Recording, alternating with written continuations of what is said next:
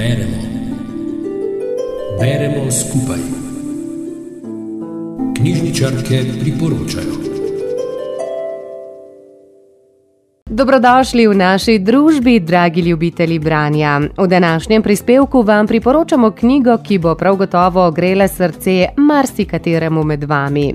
Gre za roman z naslovom Sprehajalec knjig nemškega pisatelja Karstena Hena, ki je bolj znan kot pisec kriminalnih romanov. Roman govori o ostarelem knjigarnarju Karlu, ki je zaposlen v knjigarni pri mestnih vratih in osebno dostavlja knjige na dom strankam, ko se knjigarna zvečer zapre. Karl to delo opravlja z veliko ljubeznijo. Vsako knjigo, preden gre z njim na pot, skrbno zavije v papir, jo nežno odloži na hrbtnik in poln pričakovanj na koncu preda naročniku. Karla, ki je že od malega oboževal knjige in njihovo družbo, je v službo v knjigarno pri mestnih vratih vzel Gustav Gruber, priljubljen knjigarnar, ki je postal Karlov zelo dragocen prijatelj. Karl je odnegdaj živel za knjige in njegova posebnost je bila ta, da si nikakor ni zapomnil imen ljudi, zato jih je poimenoval kar po knjižnih junakih, na katere so ga spominjali.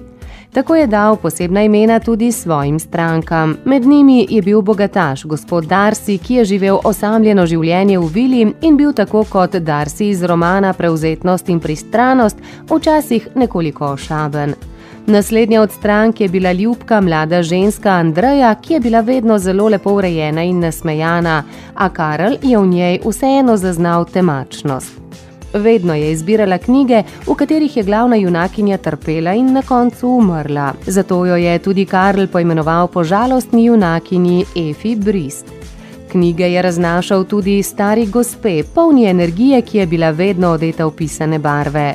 Poimenoval jo je gospa Nogavička.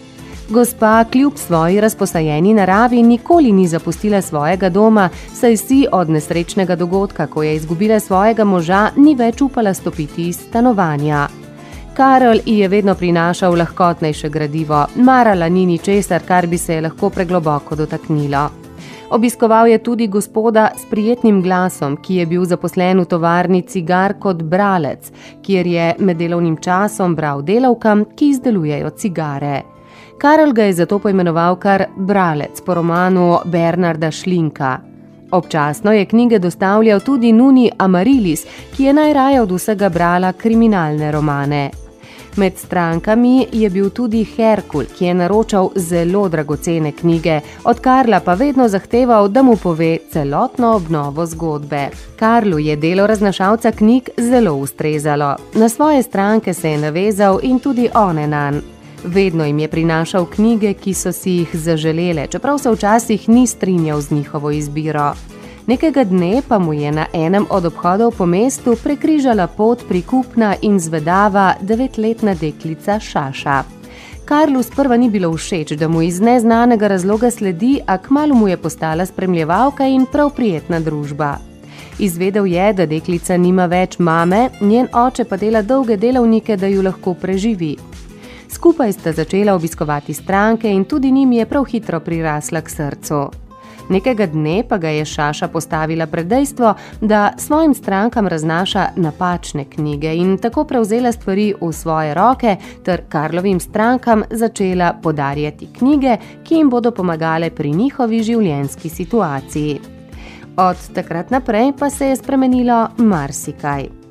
Knjiga Sprehajalec knjig je pisana na kožo vsem osebam, ki ljubijo knjige in verjamejo v njihovo magično moč.